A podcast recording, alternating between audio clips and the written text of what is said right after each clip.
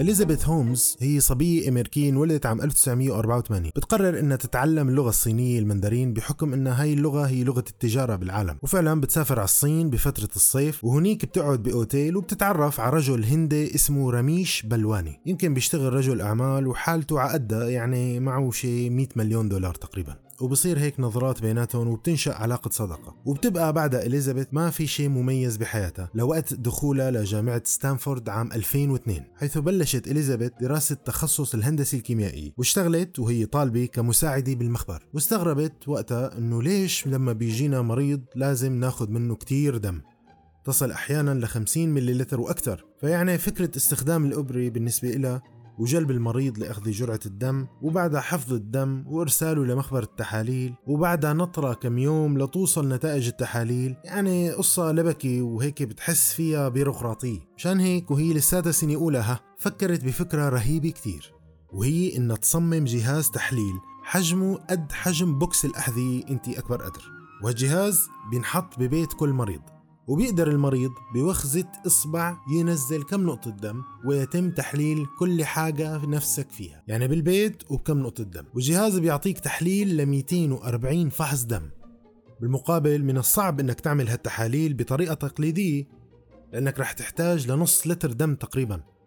وفعلا ما كذبت خبر وعرضت هالفكرة الرهيبة على بروفيسور بكلية الطب بجامعة ستانفورد ولكن الدكتور قال له إنه كلامك مستحيل يضبط من الناحية الفيزيائية والعلمية. وهو ترى الله وكيلكم قال يمكن هالكلمتين بس.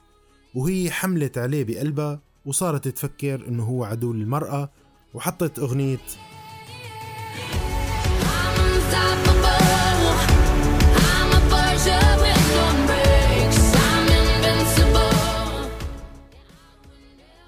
وعلى أثر هالقصة تركت جامعة ستانفورد وأخذت المصاري اللي حاطط لها إياهم الوالد كقسط للجامعة وفتحت شركة لتصنع هالجهاز وعملت هال box وسميته لجهاز أديسون تيمنا بتوماس أديسون المخترع المشهور. وكان وقتها مين دارج ستيف جوبز. وكانت هي بتعتبره من الملهمين بالنسبة لها فغيرت حلاسة وصارت هيك تلبس كنزي بعالي لونه أسود وغيرت حتى من صوتها من صوت أنثوي لصوت أجش خشن عشان الناس يعني تقبضها جد. وتواصلت مع رميش اللي شافته بالصين وقالت له تفضل على أمريكا. فعلا ما كذب خبر واجى على أمريكا واستثمر معها بشركته وبفكرته المجنونة. وشوي شوي ما حدا صدقها بصراحة لصارت تتعرف على ناس مهمة كتير بأمريكا. فمثلا تعرفت على حفيدة أحد أفراد مجلس الشيوخ بأمريكا وأعجب بعنفوانها وأفكارها وصار يعرفها على الناس المهمين اللي زي حضرته. وهيك بلشت تتوسع وتكبر لدرجة إنه بيل كلينتون الرئيس الأمريكي الأسبق شخصيا عمل معها مقابلة بالتلفزيون وأعجب بأنها strong independent woman وصاروا هالمسؤولين والمشاهير يتهافتوا عليها كلهم بدهم يستثمروا بشركتها اللي سمتها ثيرانوز ثيرا جاي من كلمة therapy ونوز جاي من كلمة diagnosis فسمتها للشركة ثيرانوز وصارت هالأموال تهطل عليها وهي تبيع حصص من شركتها وتغتني واستمرت هيك كذا سنة لحتى إجاها المساهمين بشركتها وقالوا لها معلش نشوفوا للجهاز؟ إديسون شخصيا قالت لهم طبعا تفضلوا على الشركة. وفعلا بيجي الفريق كاملا وبتاخذ منهم جرعة دم عبارة عن كم نقطة دم وبدون أي إبرة بالوريد. وبخفة يد منا عطت جرعات الدم هاي للمخبر اللي عندها مشان يرقد ويحلل جرعات الدم بسرعة بالأجهزة الكبيرة المتعارف عليها. وبعد ما شربت المساهمين كلهم كاسات شاي وتحكي لهم عن بطولاتها وصل التحليل وعطتهم ياهن وفرحوا فرحا شديدا. وبعد فترة إجت كبسة تاني ثالثة ورابعة وحتى طلعوا علماء بالفيزياء والكيمياء إنه هالجهاز مستحيل يصير فيزيائيا مستحيل يصير وهي كل مرة تحط لهم الأغنية المشهورة.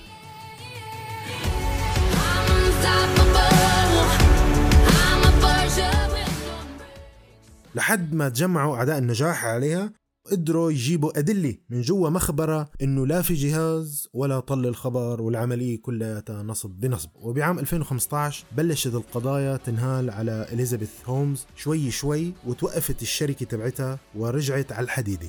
وبشهر خمسة من هالعام 2023 تم سجنها بتهمة النصب والاحتيال لمدة 11 عام. الفكرة اللي طلعت فيها إليزابيث هومز هي فكرة رائعة جدا وهي مؤثرة وملهمة. ولكن ما قدرت إلا أن ترضخ لقوانين الطبيعة والفيزياء بأنها تقدر تحلل أكثر من 100 تحليل دم باستخدام box أكبر من box البيتزا بشوي. والسبب إنه فيزيائيا مستحيل يصير هذا الشيء لأنه نحن كل جرعة دم ناخذها من المريض لازم ينضاف إلى مواد ومركب لحتى تطلع النتيجة بشكل صحيح. وبهالكم نقطة دم مستحيل إنه ينعرف كل التحاليل اللي هي ذكرتهم. هيك بتكون خلصت حلقتنا. هلأ أنا ما كنت بدي أحكي عن إليزابيث هومز اليوم. بس كنت بدي أحكي عن شيء ثاني آه شيء هو أنا شفته بالمؤتمر تبع مجتمع التغذية عام 2023 آه بهالمؤتمر أنا التقيت بشركة بتقدر تعمل تحليل مشابه لفكرة إليزابيث هومز ولكن بطريقة صحيحة وعلمية. وبيقدر التحليل بخمس نقاط دم فقط إنه يعرف 50 تحليل. وراح أبدأ أنا بشغلي بالجامعة إنه أستخدم الجهاز هاد وهالتقنيه هاي لحتى نحصل على عدد أكبر من التحاليل. هيك بنكون خلصت حلقتنا لليوم. نلقاكم على خير. والسلام.